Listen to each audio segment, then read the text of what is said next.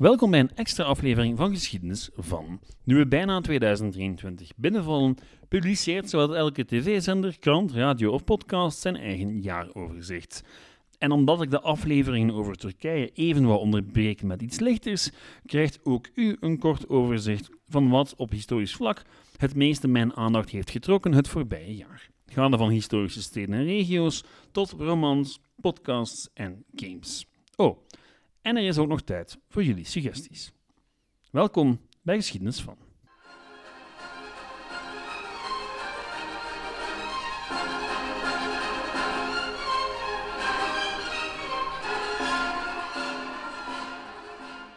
Laat me allereerst jullie allemaal een zalig kerst en een gelukkig nieuwjaar wensen. Bedankt ook om het voorbije jaar massaal te blijven luisteren naar alles wat ik elke week opnieuw in elkaar flans. Dit soort content te kunnen maken is op zich al fantastisch, maar als er dan ook nog eens zo'n 5000 keer per week naar geluisterd wordt, wel, ik heb er amper woorden voor. Het feit dat ik zo wat mijn zin kan doen en dat jullie gewoon blijven luisteren, maakt me zeer gelukkig. Ik heb verre dromen om ooit nog eens mijn brood te verdienen met geschiedenis, liefst vooral door boeken te schrijven en podcasts te maken. Nu, we zien wel nog of dat er ooit van komt, maar voorlopig is dit meer dan genoeg. Zwat. Tot daar de algemene boodschappen. Over tot mijn historische hoogtepunt van het afgelopen jaar. Het zijn er zeven in plaats van de voorziene tien, want ja, ik kon er niet zo snel nog drie bij verzinnen. Goed. Beginnen doen we met mijn favoriete non-fictie geschiedenisboek van het voorbije jaar. Goed. Technisch gezien is het uitgekomen in 2021, maar gezien ik het zelf dit jaar gelezen heb, smokkel ik het toch maar deze categorie binnen. Ik heb het er al uitgebreid over gehad in een andere aflevering, maar jongens, wat een boek. Ik heb het natuurlijk over de migratiegeschiedenis van Tom Nagels. Achteraf gezien is het moeilijk te geloven dat we zo lang hebben moeten wachten op een goed standaardwerk over migratie in België. Waarmee ik helemaal niet wil zeggen dat er geen fantastisch onderzoek gedaan is in het verleden, maar dit is de eerste keer dat het ook echt allemaal gebundeld is in een overzichtelijk en makkelijk leesbaar geheel. Daarbovenop zijn er weinig historische onderwerpen die even relevant zijn voor de hedendaagse maatschappij als migratie. Toegegeven, door twee jaar in Brussel te wonen en te werken in het onderwijs, ben ik me daar nog veel meer van bewust dan tevoren. En daardoor mag het ook niet verbazen dat dit boek voor mij zo een fantastische ervaring was. Maar ook als je niet in de een of andere grootstad woont, is dit boek de moeite waard. Begrijpen waar al die Marokkaanse en Turkse Belgen vandaan komen, of nog meer dan dat, waarom ze kwamen en waarom ze gebleven zijn, dat is iets wat van ons allemaal ja, meer bewuste burgers kan maken. Dus wat, lees dit boek en wacht nadien samen met mij geduldig op deel 2. Want ik heb zo'n vermoeden dat dat even boeiend zal zijn. Over naar nummer 2. Het zal sommigen onder u verbazen, maar een van de dingen waar ik dit jaar het meeste van genoten heb op historisch vlak is Victoria 3. Dat is een game en wel, ik ben nu eenmaal een geek slash nerd en mijn passie voor geschiedenis en die voor games zijn vanaf het prille begin met elkaar verbonden geweest. Als 8-9-jarige waren mijn eerste games op de PC Age of Empires en Anno 1602. En GTA 2, maar dat heeft dan weer helemaal niks met geschiedenis te maken. Voor wie al die namen niks zegt, geen erg. Um, toen waren dat waarlijk revolutionaire games. Vandaag de dag vallen ze in het niet bij wat er daarna gekomen is. Ik ben zelf al minstens 10 jaar verslingerd aan de games van Paradox Interactive, een Zweedse game developer die met Crusader Kings 2 en 3, Europa Universalis 4 en Imperator voor duizenden uren plezier gezorgd heeft. Al doen die games ook veel meer dan dat. Zij zijn er de oorzaak van dat ik heel wat historische kaarten zowat uit mijn hoofd ken. Ik weet waar in de middeleeuwen een bepaalde stad was, gewoon omdat ik urenlang een spel heb zitten spelen met die middeleeuwse kaart. Dus die historische context dient niet enkel als een achtergrond voor een hele hoop mannetjes die elkaar de kop proberen in te slaan, zoals mijn eerste historische games. Nee, oorlog is slechts een aspect van de games. De games proberen op de een of andere imperfecte manier de ingewikkelde realiteit van een historische staat te stimuleren. En jij stuurt die staat de geschiedenis in. Eigenlijk puur qua gameplay en techniekjes zijn de games weinig meer dan management sims. Maar doordat men zoveel aandacht heeft voor de historische context, worden ze veel meer dan dat en krijg je het gevoel dat je echt de geschiedenis stuurt. En dat alles geldt ook voor de nieuwste telg Victoria 3. Speelperiode is van 1836 tot 1936 en de nadruk ligt deze keer heel erg op industrie, politiek en kolonialisme. Het is ook een redelijk moeilijk spel, maar de tutorial waarin je België kan spelen is echt een aanrader. En zoals ik al zei, het leukste aan die games is altijd al geweest hoe je de geschiedenis een andere richting insturen kan. Als België heel Nederland veroveren tegen 1860 bijvoorbeeld, geen probleem. Een communistische republiek stichten die zich verdedigen moet tegen de rest van Europa, of een koloniaal keizerrijk dat de Britten naar de kroon steekt. Allemaal mogelijk als je de nogal ingewikkelde spelmechanieken onder de knie kan krijgen. Victoria 3 zeker niet voor iedereen, maar voor mij een van de leukste manieren om me onder te dompelen in de 19e eeuw, zonder per se onmiddellijk in literatuur te moeten duiken. Makkelijk aan te schaffen via Steam en als je een beetje een game van bent en een geschiedenis van, absoluut de moeite waard. Nummer 3 dan gaat over mijn favoriete tentoonstelling slash museum van het jaar. Nu, de lijst van boeiende tentoonstellingen en musea die ik het afgelopen jaar heb bezocht is lang, maar er springt er eentje uit. Het soort museum dat je niet elke dag bezoekt. Ik in elk geval niet. Ik heb het over het Egyptisch Museum in Cairo, Egypte. Het oude wel te verstaan, de nieuwe versie was nog niet geopend. En bij deze graag een grote dank u aan alle vrienden en familie die als huwelijkscadeau wat geld hebben gestort om die reis naar Egypte mogelijk te maken. Het was een ongelooflijke ervaring, maar dat museum is me waarschijnlijk nog het meeste bijgebleven. Dat en het veel te steile en smalle gangetje in de piramide van Djoser, waar ik mijn rug gebruikt heb. Maar goed, dat was een minder positieve ervaring. Het museum in Cairo dateert uit een ander tijdperk. Er is geen hippe multimedia-opstelling die je meeneemt naar een andere wereld, enkel een gebouw en een museumopstelling die rechtstreeks uit de 19e eeuw lijken te komen. Alle spitsvondigheden van moderne musea zijn bewaard voor het nieuwe museum. Maar die heeft het oude museum eigenlijk niet nodig. De objecten zijn zo uniek en spreken zo voor zichzelf dat het eigenlijk al genoeg is. Een goede gids helpt zeker, maar de objecten zijn zo goed bewaard en ze zijn zo symbolisch voor de geschiedenis van het oude Egypte dat je vanzelf verpletterd wordt door het bijna persoonlijke contact met de historische realiteit. Nu, dat was hoe ik het bezoek in elk geval ervaarde, waarschijnlijk geholpen door het aanstekelijk enthousiasme van mijn vrouw die al sinds haar kindertijd had gedroomd van dit specifieke museum en dan ook nog eens een uitstekende gids.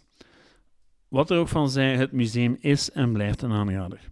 De nieuwe musea zullen zeker ook de moeite zijn, maar ik heb in een modern museum zelden zoveel verbazing en bewondering gevoeld als die dag in Cairo. Een persoonlijk hoogtepuntje dus, en eentje dat ik niet elk jaar ga kunnen herhalen. Maar echt een aanrader. Goed, dan gaan we naar nummer 4. Als geschiedenispodcaster heb ik natuurlijk zelf ook een favoriete geschiedenispodcast. En dit jaar is dat Revolutions van Mike Duncan. Nu, toegegeven, Revolutions staat bijna elk jaar op één staan. Maar zeker dit jaar, want dit was het laatste jaar van Revolutions. Um, voor wie het niet kent, Revolutions is de geschiedenispodcast van Mike Duncan, waarin hij historische revoluties ontleedt. Hij gaat kijken naar de context, naar het waarom, en hij doet dat in reeksen van vaak 50, soms zelfs meer afleveringen. Het is een zeer gedetailleerde dissectie van hoe een land in een revolutie terechtkomt en wat er daarna gebeurt.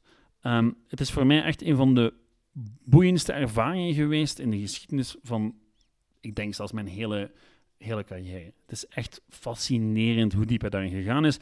Franse revolutie, de Russische, maar ook de Haitiaanse revolutie, de Mexicaanse revolutie, de Zuid-Amerikaanse revolutie. En het is zeer boeiend om daar de parallellen in te zien en de verschillen en hoe je eigenlijk in die laat 18e eeuw en vooral de 19e eeuw een soort van samenloop van omstandigheden zien die leiden tot immense veranderingen in de samenleving. Die leiden tot onze samenleving, min of meer. Nu, Duncan stopt ermee. Um, en het is een, ergens een groot verlies, maar tegelijkertijd heeft hij zijn job gedaan. Ik ga Revolutions echt missen. Het is natuurlijk in het Engels, maar ik kan het mensen die houden van geschiedenis echt aanraden. Als je mijn aflevering over het waarom van België of het waarom van Turkije of de meer diepgaande historische aflevering, als je dat graag hebt, dan ga je waarschijnlijk ook een grote fan zijn van Mark Duncan en van Revolutions. Het gaat zeer diep, het gaat zeer gedetailleerd. Ehm, het zijn bijna ja, cursussen aan de universiteit. Ehm, zo diep gaat het. Maar als je het aan kan, dan, ja, dan verandert het vaak hoe je naar de wereld kijkt. En zeker hoe je naar bepaalde landen kijkt. De, als je eentje moet beluisteren, dan is het wel het stuk over de Haitiaanse revolutie. Omdat dat eigenlijk in, misschien wel de enige echt volledig geslaagde radicale revolutie is. Ehm, maar ik ga er niet te veel over uitweiden. Gewoon luisteren naar Revolutions. Overal beschikbaar. Zowat. Nummer 5 dan. Een iets wat uh, vreemde categorie, maar toch het vernoemen waard. Het gaat over beste online aanwezigheid van een organisatie die iets te maken heeft met geschiedenis. Er zijn een paar kandidaten in de Belgische ruimte, als je het mij vraagt, waaronder de KBR bijvoorbeeld, maar ik heb het heel hard voor de Facebookpagina van het Rijksarchief. Klinkt vreemd, maar het is echt het is prachtig wat ze daar proberen te doen. Ik heb af en toe al iets gedeeld van die Facebookpagina, um, op mijn eigen Facebookpagina, maar eigenlijk is elke wekelijkse post een soort van kunststukje waar ik zeer jaloers op ben. Of het nu gaat om een kerstboom in de Gentse afdeling, gemaakt van afgietsels van zegels van steden, abdijen en de ocasionogravin. Een overzicht van wat je wettelijk door de eeuwen al dan niet voor je kar mocht spannen. Processen verbaal van dronkenschap, schandalen in de volksgezondheid, Sinterklaasbrieven uit de Tweede Wereldoorlog. De lijst is lang en dat was enkel de maand december. Het is zeer verfrissend om met de regelmaat van een klok gewezen te worden op de relevantie van onze archieven en hoe bijna alles in België een lange, zeer lange voorgeschiedenis heeft. Ehm, ik vind het prachtig werk. Het is qua publieksgeschiedenis een van de leukere dingen van de afgelopen jaren. Link in de descriptie, een echte aanrader als u eventjes niet weet wat te doen en toch op Facebook zit. Gewoon naartoe gaan, liken en ja, genieten van die, die wekelijkse prikkel. Goed, nummer 6. Historische stad en of regio. Ik zou het hier opnieuw over Egypte kunnen hebben, zeer logisch, maar ik heb het al over gehad, dus hou ik het liever bij die andere historische regio waar ik dit jaar keihard van genoten heb, de Elzas. Een beetje de Zwitserse Alpen van Danaldi, maar met een zeer boeiende historische saus. Het is een regio die eeuwenlang vastzat tussen Duitsers en Fransen en bij gevolg een heel eigen karakter heeft ontwikkeld. Op cultureel vlak, op culinair vlak, trouwens ook zeer boeiend. Ehm, maar er zijn ook fenomenale kastelen, prachtige dorpjes, indrukwekkende steden en een geschiedenis daarbovenop die ja, zeer intrigerend is. Het gaat over bezetting door Fransen, bezetting door Duitsers en hoe de lokale bevolking zich daar een weg in moest vinden. Nu, die kleine stadjes zijn op zich al boeiend genoeg, maar als je daar dan nog eens Straatsburg bij optelt, dan krijg je een cultureel-historische regio die echt de moeite waard is. En Straatsburg is een stad waar mijn vrouw en ik onmiddellijk verliefd op zijn geworden. Een prachtig middeleeuws centrum, um, zeer mooie kerken, zeer mooie historische gebouwen, een paar degelijke museums, um, ook zeer leuk op culinair vlak. En ja, we hebben er echt van genoten. Beetje een regio die we niet onmiddellijk vanzelf zouden bezoeken, maar dit jaar toch beland en echt top. Goed, nummer 7, sluit hem bijna af. Beste historische fictie op het grote of kleine scherm. Ik zou hier een populair antwoord kunnen geven, zoals het Duitse The Barbarians of het Britse The Crown. Alle twee zeer degelijk. Maar de historische tv-serie waar ik het meeste van genoten heb, dateert eigenlijk al van 2017 en is een pak minder bekend dan die andere twee. Ik heb het over Maximiliaan, een Duits-Oostenrijkse miniserie van drie afleveringen over Maximiliaan van Oostenrijk en Maria van Burgondië.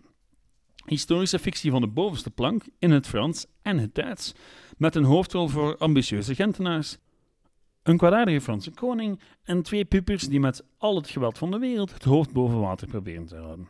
Is het een volledig historisch-realistische weergave van hoe het eraan toe ging na de dood van Karel de Stad?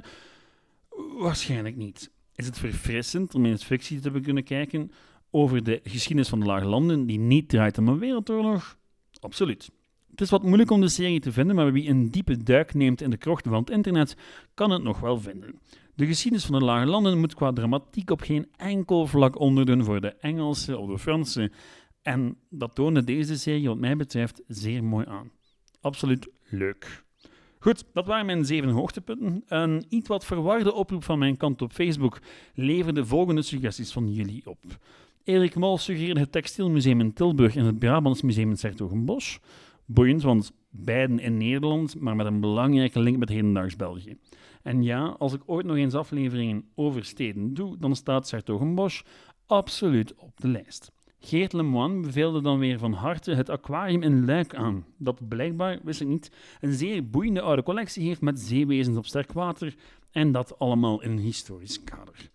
Anne de Neef van Drogenbroek wil ons dan weer allemaal richting het Red Star Line Museum in Antwerpen sturen. Een museum waar ik zelf al jaren naartoe wil, maar tot mijn eigen scha en schande nog nooit geraakt ben. Verder waren er nog een heleboel suggesties voor nieuwe afleveringen, waarvoor dank, die zijn genoteerd. Als ik zelf nog een paar extra suggesties mag doen, bovenop de zeven van hierboven. Het Museum van de KBR in Brussel doet zeer mooie inspanningen om historische manuscripten tot bij een groot publiek te krijgen. En het Europese Huis van de Geschiedenis is echt een ongelooflijk goed en zeer goed gefinancierd geschiedenismuseum. Het is een van de beste musea in België, als je het mij vraagt. Spijtig genoeg ook niet zo goed bekend bij de lokale bevolking, wel bij toeristen. En dan is er ook nog het nieuwe wetenschapsmuseum in um, Gent, van de Universiteit van Gent, het GUM, het Gens Universitair Museum. Een zeer interessante collectie over de geschiedenis van wetenschap. Is echt um, nogmaals een aanrader. Swat, doe jezelf een plezier, ga daar langs als je deze vakantie niet weet wat te doen. Bedankt voor het luisteren en tot volgende week. Dan gaan we gewoon verder met de zoektocht naar het waarom van Turkije. Voor vragen en suggesties kan je nog altijd terecht op de Facebookgroep Geschiedenis van of het e-mailadres geschiedenisvan.outlook.be. Bedankt voor het luisteren. Ciao!